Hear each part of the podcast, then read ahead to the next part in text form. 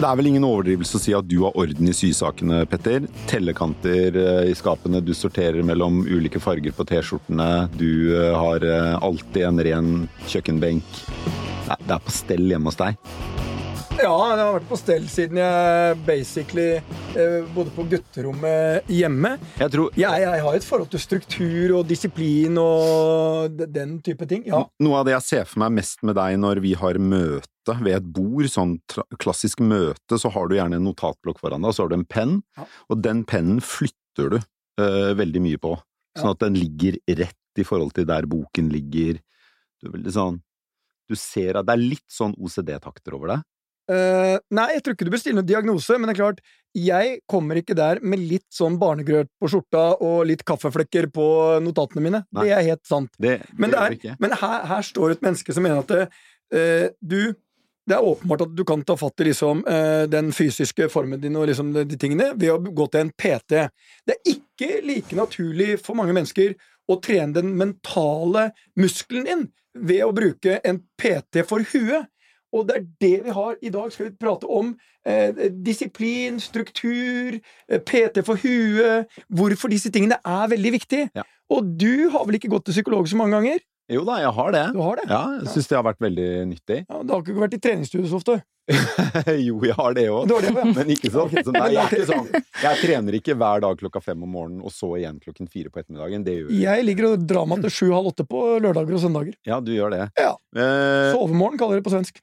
Men de, eh, den som kanskje har gitt eh, brettekanter et ansikt i Norge de siste årene, det må være deg, Geir Aker. Eh, Fenrik på Kompani Lauritzen. Ja. Veldig populær TV-fjes. Kan si at både jeg og barna mine er veldig fan. Det er gøy å ha deg i studio. Takk for det. Hva var det med deg som gjorde at uh, hele Norge plutselig fikk en ny favorittpersonlighet? Det er et godt spørsmål. Jeg tror eh, Det interessante var jo at når jeg, når jeg skulle prøvespille da, for, eh, for serien, og alt var nytt, så, eh, så tenkte Og Christian Ødegaard har sagt det til meg i etterkant, at han tenkte at han der, han er gæren, han kan ikke vi bruke. Vi må ikke ha med oss han i det hele tatt. Og så så de etter hvert at det, at det fantes en innpakning da, som Han er gikk gæren, men kan på. brukes. Men kan brukes. Jeg har tenkt litt på det sjøl, og jeg tror faktisk det at Det som kommer fram veldig tydelig da, eh, i min figur, det er det å stille krav. Eh, Det å stille krav, det, det har vi blitt litt forsiktige med i samfunnet vårt. Det er veldig kjapt så kommer ordet tilrettelegging. Det kommer veldig fort på bane. Det å stille krav, det har vi blitt eh, forsiktige med. Eh, Så det var kanskje litt befriende for folk å se at noen stilte krav helt eh, uanstrengt og naturlig, og, og hadde forventninger til menneskene rundt seg. Absolutt. Og- Men leverte også på egne forventninger. Liksom, Ja, ja. Du virker jo som en person som har god kontroll på ting. Ja, så er det noe med å stille krav da, til andre som du sjøl ikke er i stand til å innfri. Det blir jo brått urettferdig. Mm. Så det er noe med å ha ryggdekning for det du ber andre om å gjøre, Mm. uh, før du For det, det har noe med troverdighet å gjøre. Så, så det å så vise til en standard som, eh, som jeg sjøl har, og kan etterleve, eh, før jeg da krever det av andre, det tror jeg er veldig viktig. Men det var mange, jeg fikk jo henvendelser fra en del lærere faktisk, som, som syntes det var veldig gøy å se på, fordi at eh, oi, eh, her ser vi at disiplin faktisk utøves. Eh, og, og noen syntes at det skulle vært eh, mer av det i skolen, så ble det en debatt, debatt om det, og, og, og det er fint det, men jeg tror ikke det er noe sånn, det er ikke noe enten-eller her. Nei. Eh, Det er litt ja takk, begge deler. Ja. Vi må jo introdusere neste gjest også, Rebekka Egeland. Du er jo utdannet eh, psykolog, mm. klinisk psykolog, eh, er forfatter av flere bøker, og nå er du jo faktisk også eh, konstituert eh, administrerende direktør i Doktor Drop-In, en eh, kjede for, for ja, legekontorer, egentlig. Legetjenester, ja. Og så sitter jeg også i Group, for vi har jo mer enn bare legetjenester. Vi har også psykologtjenester og bedriftshelsetjenester og fysikalsk behandling. Hele spekteret, hele mennesket. Du Mm. er ikke like ordensmenneske som Geir og Petter, er du det? Jo da. Er du det? Det er veldig bra. Det var derfor jeg spurte Petter i sted om liksom hva skjer hvis du ikke rydder og har de tellekantene. Ja. For vi skal jo kanskje snakke litt om ubehag i dag. Ja. Eh, og for meg også er det jo sånn at jeg liker å ha det Hvis jeg er stressa eller har mye i hodet, så må jeg rydde. Da vasker jeg huset. Det er aldri så pent eh, i huset mitt hvis Har du eh, visningsklart hjem til enhver ja, tid? Nei, ikke til enhver tid. Det er det som er greia. Ikke til enhver tid. Så der er skiller vi oss. Jeg har ikke barn, men jeg har to hunder. Ja, det er like ille. Og det er de- nesten verre. Ja. Har du, har du disiplin på de? Eh, jeg må jo si ja, men nei. Hva type hunder bare? Jeg har bare litt interesse Jeg har to fuglehunder, jeg er jeger, så det er en Ja. engelsk setter og en eh, Ja, det er mye Der er det, det er mye rastløshet i de hundene. Ja da, det er mye, mye, mye turer, da. Mm. Og ref mental helse. Men altså det med natur og, og være i bevegelse. hva er det med orden som er så bra? Nei, jeg tenker at eh, vi alle har eh, behov for noe struktur i livet, uavhengig utgangspunkt og grunnleggende forutsetninger, liksom. Og det er eh, dette med søvn, eh, fysisk aktivitet eh, og et variert kosthold. Det er liksom de tre tingene. Og som du sier, når vi stiller krav til noen, så forteller det jo også et annet menneske at jeg har tro på deg. Jeg har tro på at du kan mestre dette og få det til. Eh, og så er det samtidig at noen har forutsetninger for å være veldig disiplinert, mens andre har kanskje ikke like store forutsetninger. Så det er å finne balansen, da, tenker jeg, med å ha rammer og struktur, men samtidig at det ikke blir så rigid at man ikke har rom for kreativitet og innovasjon og, og lek, da. Eh, for det kan bli veldig rigid. Med ref diagnoser, jeg tror ikke du har noen diagnose, bare så det er sagt. Nei. Altså, jeg lever bra med de eh, diagnosene. Mine barn har stilt diagnoser, og de, vet du, Ja litt tilbake til det du er innom, Geir. For jeg synes det er interessant med barn. Jeg har hatt en kamp i 15 år på de enkleste ting hvor jeg har stilt krav. Det kan være hvordan rommene skal se ut, eller hvordan skoene skal være, for du sparker ikke bare av deg de så de ligger sånn. Eh, Men jeg, jeg hadde også sånn jeg stiller krav, men så har jeg også en konsekvens hvis ikke du etterlever de tingene vi er enige om. Og hvis ikke du har en konsekvens, og det her er interessant, hvis du stiller krav uten konsekvens, da heter det bare ønske. Ja, Mm. og det, Mm. effekten av dette er følgende. Jeg hadde 15-årskamp mot det som det, det barnet mine mente jeg hadde en diagnose. Det gikk på rydding. Men også når det gjaldt innetider, som var et interessant fenomen. Og da var det en kamp om innetider, og etter hvert så skjønte de Jeg, var, jeg ble ikke sint, jeg sa bare hvis ikke du er med klokken 23.00, og det er ikke sånn 23.10, det er 23.00, da får det en konsekvens. Den er sånn og sånn. Mm. Det visste de. Min sønn Jakob endte med å løpe som faen, for han rakk ikke siste bussen. Løp og rakk akkurat tida, kom inn, våt av svette, og sa eh, klokka er eh, elleve, det var tolv den gangen, tenker jeg. Og så det var fint. Og så fikk han ikke forklart hva han måtte gjøre, men han hadde fått liksom, konsekvenser, og det visste han. Og da tror jeg hvis ikke, jeg, tror, jeg tror det bare er positivt. Nå skal jeg ikke si at jeg lyktes som mine barn, for jeg syns ikke de er spesielt strukturerte sånn på, på røddesida. De har ikke noen tellekanter. Åssen er det med dine barn, Per? Nei, det står dårlig til med kant- Ja, men, men, Ja, men altså, min- stiller du krav? Ja, øh, men jeg tror ikke jeg er så god på oppfølging av konsekvenser, nei. Mm. Eh, dessverre. Eh, eh, jeg, jeg merker jo det, altså jeg har stadig vekk sånn de må rydde opp, de kaster klærne når de skal skifte om morgenen, og så blir de liggende på gulvet. Av og til så er det liksom, nå må du rydde opp etter deg, av og til er det det ikke. Så jeg klarer ikke å være konsekvent på reglene jeg setter. Det er jo noe av det jeg syns er det mest vanskelige i hverdagen, er, er det å være konsekvent. Og hvordan er det hos deg, Geir?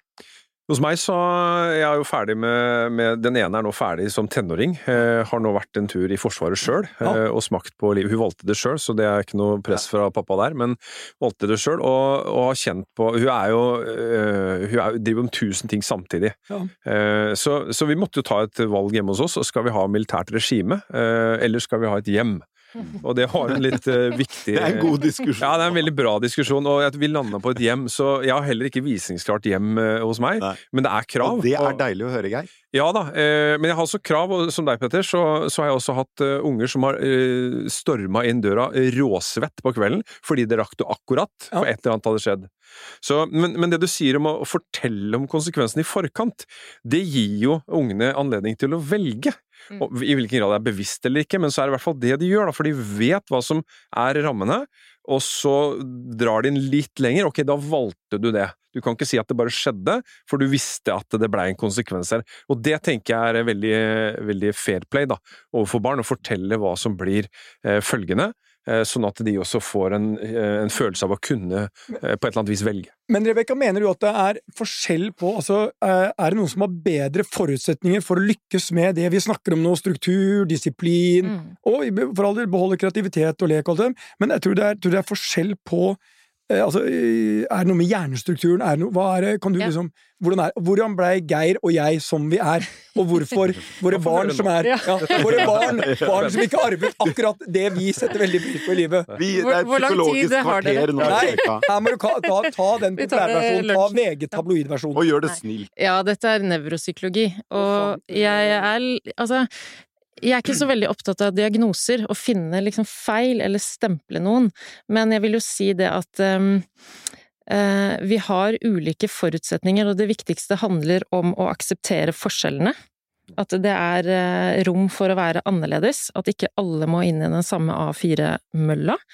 Um, og så tenker jeg i forhold til om det er et problem eller ikke, sånn som det at uh, Petter er veldig strukturert og, og Eh, har den disiplinen, eh, så tenker jeg at det er jo ingen diagnose så lenge funksjonsnivået er høyt, ikke sant? Det er når det begynner å spenne ben for oss, når vi ikke klarer å komme oss opp om morgenen, akkurat som Eller dysleksi, da, er et godt eksempel. Det å sette seg ned og liksom ha disiplin på å fullføre eh, den, det notatet, det er ikke mulig. Så det å faktisk eh, forsøke å tilpasse hva er bra for meg, og så tenker jeg også det er en forskjell på Eh, jeg liker litt den derre skill power mer enn will power, for den viljestyrken den kan jo trenes noe, men den er også litt begrenset. At jeg må forstå hvorfor eh, du skal gjøre det du gjør. Og også at det kan innebære en del ubehag, som ja, vi snakket om. Forstår du hvorfor, og konsekvenser. Så er hvordan mye enklere. Yes, yes. Og det er det, det, er det, yes. det, er det viktige. Sånn. Jeg er for øvrig også visekorporal. Se der, ja. ja. Jeg, jeg var korporal. Så var det litt uhell, så ble jeg visekorporal. Litt uhell, vi bør ikke snakke om det. Men, Nei, det, var det, men det var også en på ditt nivå som mente at jeg, jeg strøyk i militær oppførsel. Ja, okay. Som jeg, jeg syntes var helt uforståelig, for jeg var bare morsom. Ja, ja ikke sant? Og det, det var ikke rom for humor i, i hans øyne? Eh, han var, der var ingen Det var, det var nulltoleranse. Ja, ikke sant. Mm. Fordi han straffet meg med at jeg skulle løpe opp en bakke under helvetesuka. Ja. Og jeg sa den bakken der tar jeg ti ganger. Vil du ha mel uten sekk? Eh, og det Han likte ikke mine Noe som jeg kan forstå. Så jeg endte i Arbeidskompaniet på et kontor hvor jeg satt og var telefondame. Det var jævlig bra jobb. Ja, ja, ja. Så, eh, men jeg hadde jo Hvis ikke jeg var på sånn USK sånn her, eh, Ja, USK, ja. ja. Så jeg, jeg, ville jo ha hatt Jeg lå jo an til en militær karriere. Ja. Men han løytnanten, han skjønte ikke at det var rom for eh, litt kreativitet og humor akkurat på hans uh, vakt. Og da er vi eksempel på at det, det blir for rigid, ikke sant? Yes, da blir det, det for stramt. Og, og, heldigvis har jo Forsvaret bevega seg i, i, god retning, da, for det er noe med å eh, Mangfold er jo noe vi nå liker i Forsvaret, ikke sant. Vi, vi ja. trenger å avspeile samfunnet, og hvis samfunnet skal bestå av mangfold, så må også Forsvaret til en viss grad gjøre det. Ja. Så eh, folk som er eh, morsomme, eh, de skal jo få plass. folk som er holdt jeg på å si late, skal også få plass. det det må være et mangfold der. Men så allikevel så er det noen rammer da, som er ufravikelige. Mm. Eh, og hvis vi tar det med Forsvaret, da, så er det bare ett krav som er over alle, og det er krigens krav. Mm. I ytterste konsekvens så blir vi sendt ut i en kjempe, kjempeskarp situasjon, og det er krig som bestemmer. Og da handler det ikke om, om, eh, om hva slags utdanning du hadde, det handler om hva du eh, er i stand til å utføre der og da. Mm. Så det er et ganske strengt krav. Men når det er sagt, så er det jo andre krav eh, og en annen virkelighet som gir oss litt spillerom da, til å, til å kunne være hva skal jeg si, litt mer human da, enn det var kanskje før, hvor det var mye lettere å karikere eh, alt det strenge, alt det kadaverdisiplin osv. Så, videre. eh, så det har bevega seg i heldig, heldig retning. da. Rebekka, da er vi inne på et uh, interessant område, for det er det vi også er innom her, det er, det er den der psykologiske tryggheten. Hvorfor er det en så avgjørende faktor for hele liksom, den positive utviklingen og, og, veksten du kan ha som menneske? Uh, hvorfor er dette så viktig? Og hvordan kan man jobbe med det? Og jeg er glad for at du spør. Ja. eh, nei, altså det er såpass viktig fordi altså hjernen vår har ett mål, fra den dagen vi ble født. Min, min hjerne har hatt mange mål, altså ikke begrenset til ett mål. Det, ja, da, ja, jeg... Et overordnet mål, for ja. å si det sånn, det er overlevelse. Ja. Og vi overlever når hjernen opplever at vi er trygge. Mm. Ikke sant? Uh, og hvis vi ikke er trygge, hvis uh, denne lille delen bak her i hjernen som kalles amygdala, liksom uh, fire mm. veldig, så snevrer fokuset vårt inn, og vi blir veldig rigide. Altså hvis vi går rundt og er redde på jobb, mm. så klarer vi ikke å fungere optimalt på jobb, og vi klarer heller ikke Vi har ikke tilgjengelig de områdene i hjernen som får oss til å tenke nytt og kreativt og liksom det som fører oss videre, da som et selskap. Eh, så jeg tenker det å legge til rette for en psykologisk trygg atmosfære, hvor vi har senkede skuldre, hvor hjernen vår, uh, vår føler seg trygg, så, så, har vi også fremdrift. Hvordan, det er bevegelse. Hvordan legger man til rette for en sånn atmosfære? Eh, altså, det er ofte misforstått som at psykologisk trygghet handler om eh, harmoni til enhver tid. Men det er liksom feil. Det handler om robuste relasjoner, tenker jeg. At vi er trygge på hverandre, tør å si 'jeg eh, er uenig med deg', eller 'jeg Altså sårbarhet. 'Jeg tok feil', eller 'jeg gjorde feil, men jeg prøver igjen', eller 'her falt jeg, men jeg kan reise meg', eh, 'jeg trenger hjelp', 'jeg trenger støtte'. Det er psykologisk trygghet. Mm. At man tør å være hele seg, hele mennesket. Mm. Ikke sant? Fordi vi kommer jo på jobb alle sammen med en hva skal jeg si, usynlig ryggsekk, med helt unike erfaringer, personlige egenskaper, genetikk, ikke minst. Og så kommer vi på jobb, og så tenker vi at alle har det samme verdensbildet som oss, ikke sant? At du ser livet eller omstendighetene sånn som jeg ser det, men det er jo ikke tilfellet. Og da tenker jeg det er nesten rart at vi klarer å fungere relativt bra på arbeidsplassen, tenker jeg, for det er så utrolig mange usynlige faktorer som spiller seg ut. Og det er et sånn potensielt minefelt, da. Det betyr at vi må snakke om ting. Psykologisk trygghet handler om å tørre å sette ord på eh, hvordan man har det, og utfordre andre. Mange, mange, eh, sorry, Petter, men mange bedrifter har en veldig sånn tydelig identitet eh, eller kultur eh, som er knytta opp mot personligheter. Altså sånn at man er sånn På denne jobben er det veldig morsomt, eller på denne jobben er vi veldig på, eller altså sånne sånne karaktertrekk som eh, det ikke er noe gærent med, men Mm. som kanskje alle ikke har eller, eller Mm. er så opptatt av, er, er sånn den tydelige identiteter som det eh, et problem for å få til det mangfoldet?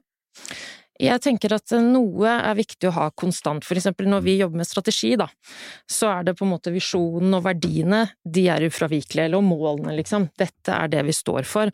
Men hvis du tenker at sånn skal vi være til enhver tid, så forutsetter jo det at hverdagen er forutsigbar og kontrollerbar, og at vi mennesker er ganske mye mer rasjonelle enn det vi liker å tro, da. Vi styres i all i, i veldig stor grad av følelser, og det er på en måte det du må, må ta inn over deg. Eh, og det krever fleksibilitet, da. Det krever at man må være egentlig i stadig endring, så ja, man kan legge til rette for lek og humor og alt sånn, men noen dager er ikke sånn. Mm. Ikke sant? Noen ganger så er det the shit hits the fan, liksom, så må du håndtere det, da. Og da er det Men hvis du da ikke er spesielt morsom, og du kommer inn i en bedrift hvor det å være morsom Uh, har høy uh, verdi og status, mm. da er det bedre å slutte da, å finne deg en annen bedrift. Jeg tror vi alle eh, har et viktig bidrag inn i kulturen, og du må selv bringe inn i kulturen det du ønsker at kulturen skal bestå av. Eh, og det er jeg veldig opptatt av også i den bedriften vi er i nå, hvor jeg er eldst på huset, jeg er 39. og folk er unge, sultne, gira, og det går sinnssykt fort, og man kommuniserer, altså samhandler på en helt annen måte enn hva jeg er vant til.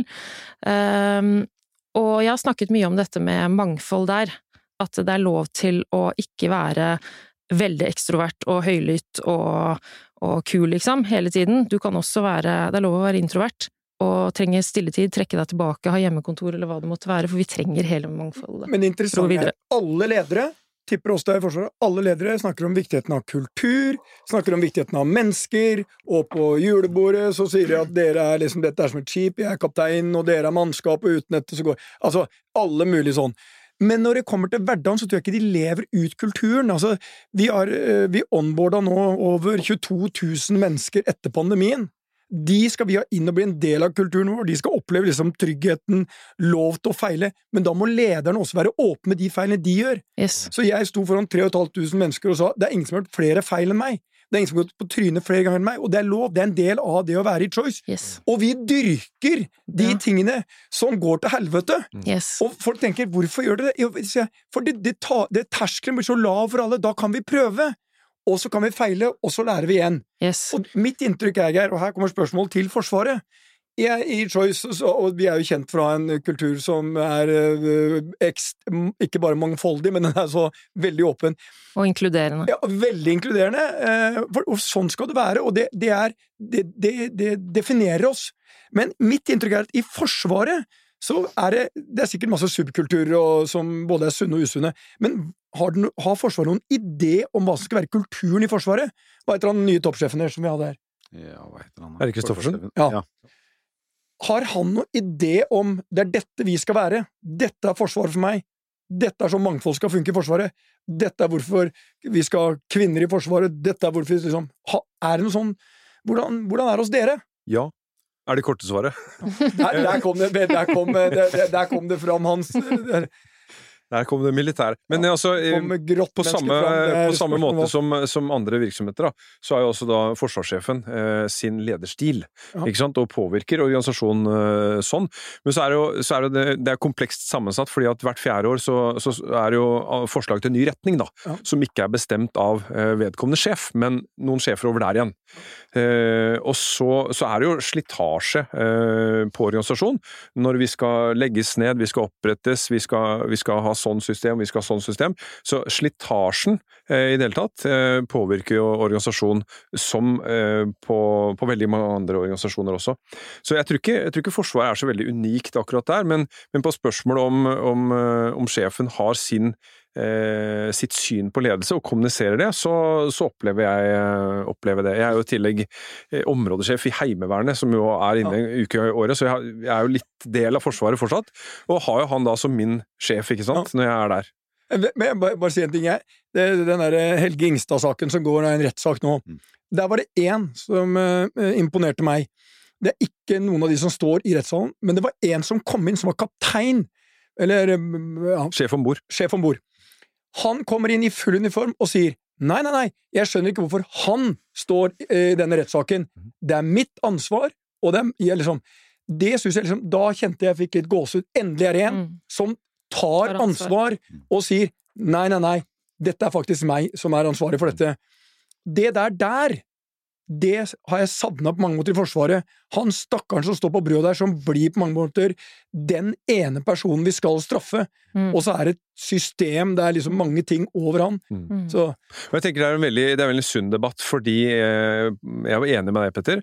Eh, hvis, du, hvis du melder deg til et eller annet lederverv, så må du erkjenne at det er et stort ansvar. Eh, hvis vi tar all litteratur da, i hele verden, og jeg er litt brutal, hvis vi tar all litteratur over hele verden om ledelse, og koker det helt så det ligger essens igjen, så er det to ting som ligger der. Det er løs oppdraget, ta vare på folka. Og det er, ikke noe, det er de to tinga du skal gjøre som leder. Og det er ikke valgfritt, og det er ikke noe rekkefølge på. Begge deler skal skje. Og hvis da, sånn som han øh, sjefen sier at dette er mitt ansvar, øh, ja, så erkjenner jo han at det å være sjef, øh, det medfører at hvis kokken kutter seg i fingeren, Ja. så har jeg et ansvar. Hvis vi går på grunn eller, eller støter sammen noe, så har jeg ansvar. Og det, det aspektet i ledelse, det tror jeg vi må løfte fram igjen. For det er fort gjort at um, Mitt inntrykk av, av mange lederfunksjoner i dag er, er resultat av eh, eh, forfremmelse, da. Ja. Altså Nå har du blitt så flink at eh, du, Du nå kan du bli leder. Ja, du så så lenge at nå kan du få Ja. den. ikke sant? Det er brukt som karrierestikke, ikke fordi at du var kompetent. Og det er trist, for da får vi folk da som ikke erkjenner eh, holdt jeg, skal, ikke, skal ikke kalle det for kall, men det er et stort ansvar å ha lederansvar. Eh, og når det smeller, ja, så må du også være i stand til å si at det var meg. Ja, og eh, vi, jeg har et godt eksempel. Eh, Nå har vi begravet det i Nordic Choice, men eh, vi har jo hatt mange katastrofer der. Og en av de største var Det var noen som bestemte seg for fordi vi, vi snakker mye om bærekraft sånn nå, så var det noen som bestemte seg for Fordi mat var viktig for øh, klimaendringene, så var det noen i en mm, budsjettkjeden vår som skulle gjøre testgreie på seks hoteller i nord, nord i Sverige. Så de skulle ta bort bacon og erstatte det med noe annet på frokosten. Denne saken eksploderte, så long story short, konkurrentene våre brukte alt sammen, vi kom på kontoret om morgenen. Da har allerede BBC, liksom en stor hotellkjede, hatt tatt bort egg og bacon, som ikke var helt riktig.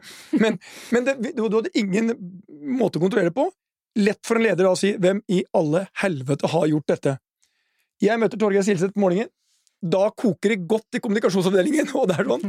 Og så sier Torgeir, han bare se på meg, eh, hvor mange dager skal vi holde ut? Eh, han var allerede da overbevist om at vi må jo backe på dette, men samtidig, de som har gjort det, har gjort det fordi de tror på det, og de skal vite at vi i ledelsen har ryggen. Alltid. Ja, Mm. Så nå Mm. må vi i hvert fall holde ut uansett om det koker. Når konkurrentene våre kom med annonser og alt mulig. Vi holdt ut i tre dager, og så sa vi for, Og det, det var, det var Det blir bacon igjen. Det- Bacon tilbake. Ja, bacon er tilbake. Og det, er, og det savner jeg. Det var det jeg så på der, eh, og det er kanskje det jeg føler litt er forskjellen på det private og militære, fordi du var innom og jeg vet ikke hvorfor det skjer, jeg vet definitivt Rebecca, at ikke det er bra. Det er, du blir forfremma litt fordi du har vært der i mange år. Du blir liksom, nå kan ikke jeg graden, men du blir, går fra sersjant til fenrik til løytnant til eh, Og videre oppover. Ja. ja, ja. Og det er eh, det klassiske eksempelet er når, når et eller annet salgsteam vokser, eh, så blir det så mange at de trengte en leder. Ja, hvem er det som fortjener den posisjonen? Ja, det er beste selgeren, da, eller? Mm. Fordi at han er så flink. Ja, da fikk du en god selger, Mm. eh, fikk du en god leder, og så mista du en eh, god selger, da. Eh, Og i en del tilfeller så mister du en god selger og får en dårlig Ja, det var, ja, det, var det jeg prøvde Ja. å fortelle. Eh, takk, takk for hjelpa. Eh, men, men da har du redusert, og du har ikke forstått hva Altså, for meg så er ledelse et eget fag. Mm. Uh, og de aller fleste som tilbyr utdanning i ledelse, har et eller annet annet og ledelse. Mm. Bla, bla, bla og ledelse. Og det kommer alltid til sist.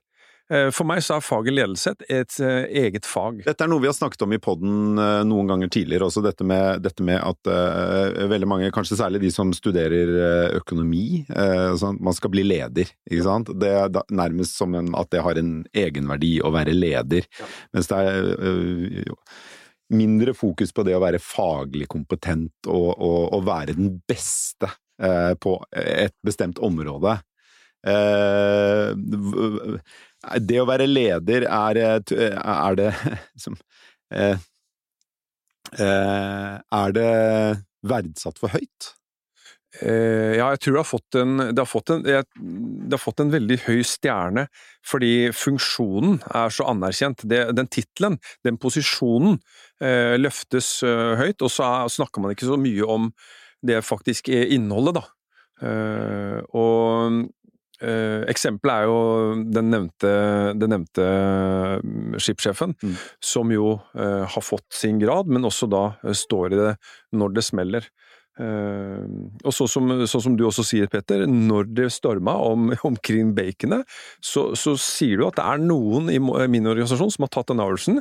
Jeg fronter den nå, og så rydder vi opp i etterkant uh, for oss sjøl, så ingen skal henges ut uh, i frykt for å ha gjort feil. Da. Dette er vi sammen om, eh, og det er en egenskap som en leder veldig gjerne bør ha. Da. Men Mm. Rebekka, Mm. ledere, du har studert det. Er man født sånn, eller blir man sånn? Det, det spørs helt hvem du spør. Ja, nå spør jeg deg.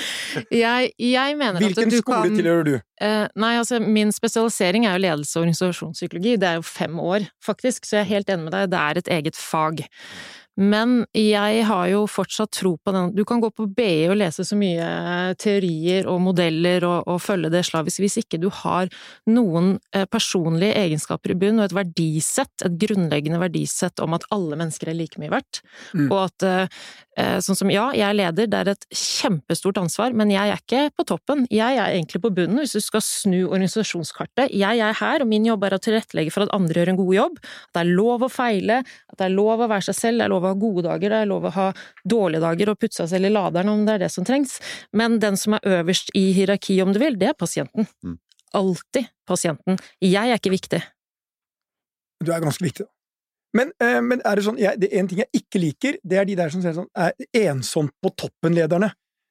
Det er sånn, jeg synes vi bare blir, altså ledere som mener ensom på toppen, da burde du ikke vært Ja, hvorfor er du på toppen, da? Ja, da- Hvorfor leder du derfra? Ja, ja, ja. Kan du ikke gå ned Ja, men- og lede? Jeg klarer jo Ja. ingenting alene. Nei, men, men, Nei, men ja. se alle de gangene de snakker om det, det er Ja, ensom ja, ja. på toppen. Hæ? ja. Hvorfor er du der aleine? Kom deg ned, Ja, ja. jobbe litt. Ja, Ja. Ned på gulvet, Ja. skitt under neglene. Men jeg synes det er interessant, fordi at eh, når vi snakker om det, det å gjøre feil, da Mm. eh, Rent sånn pedagogisk så er jo det å gjøre feil er gjerne motorveien til læring. Mm. Men det, altså, da jeg gikk på skolen, så, så lærte jeg meg å unngå feil. Mm. For jeg fikk rød eh, minus, Ja. jeg fikk lavere poeng Yes. alle de gangene jeg gjorde feil. Så jeg har lært at det å gjøre feil er ikke så lurt. Mm.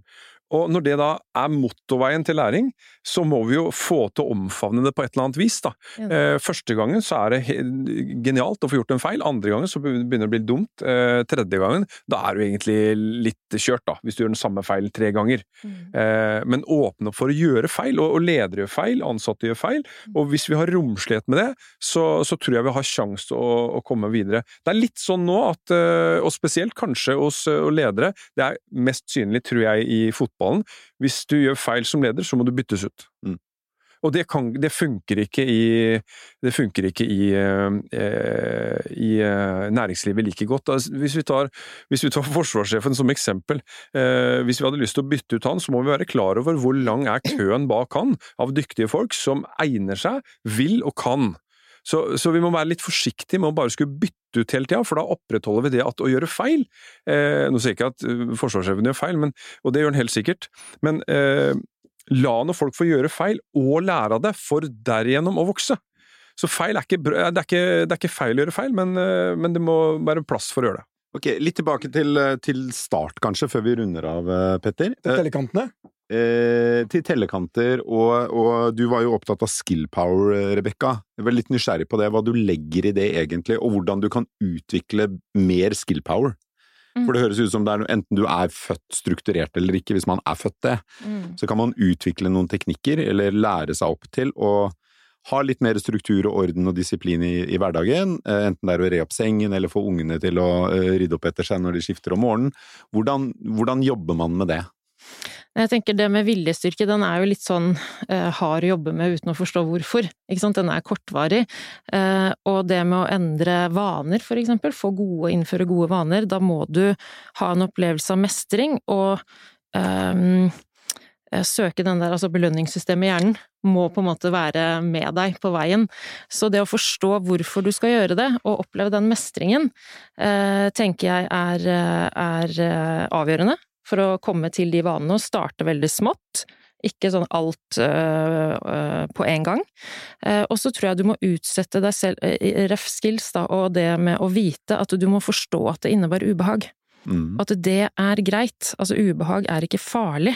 Det er ikke farlig å Vi snakker jo mye om det der med å redusere stress i disse dager, men jeg tenker det vi egentlig må gjøre, er å øke vår evne til å tåle stress mer. Mm. Og det er jo egentlig det du driver med i ditt program. Ikke? Ja, Hele tiden pushe grensene. Gir de vanskeligheter. Mm. og har også, jeg har også brukt frykt som læremester yes. for å påføre folk et ubehag. Ikke for å få de til å, å knekke sammen, men for å føre de ut av komfortsonen, for der å oppdage yes. ting om seg sjøl. Yes.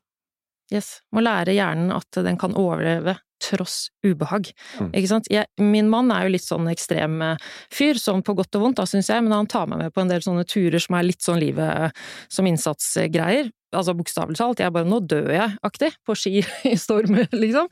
Men den følelsen av å det greide jeg. Jeg mm. klarte å stå i det. Jeg sto i det ganske stødig, og det bor noe inni meg som jeg ikke visste Utfordre. var der. Du må i den settingen for å forstå det. Utfordrer vi oss for lite, sånn generelt? Pusher vi våre egne grenser for lite? Ja. Eh, jeg tror svaret, det korte svaret ja. Jeg leste uh, The West Point Way of Leadership, uh, en av krigsskolene i USA. Der var det sånn at uh, alle kadenter Hvis du hadde høydeskrekk, da skulle du være med i fallskjermgruppa. Mm. Hvis du hadde klaustrofobi, da skulle du være med i dykkergruppa. Og hvis du var litt pysete, da skulle du inn i bokseringen.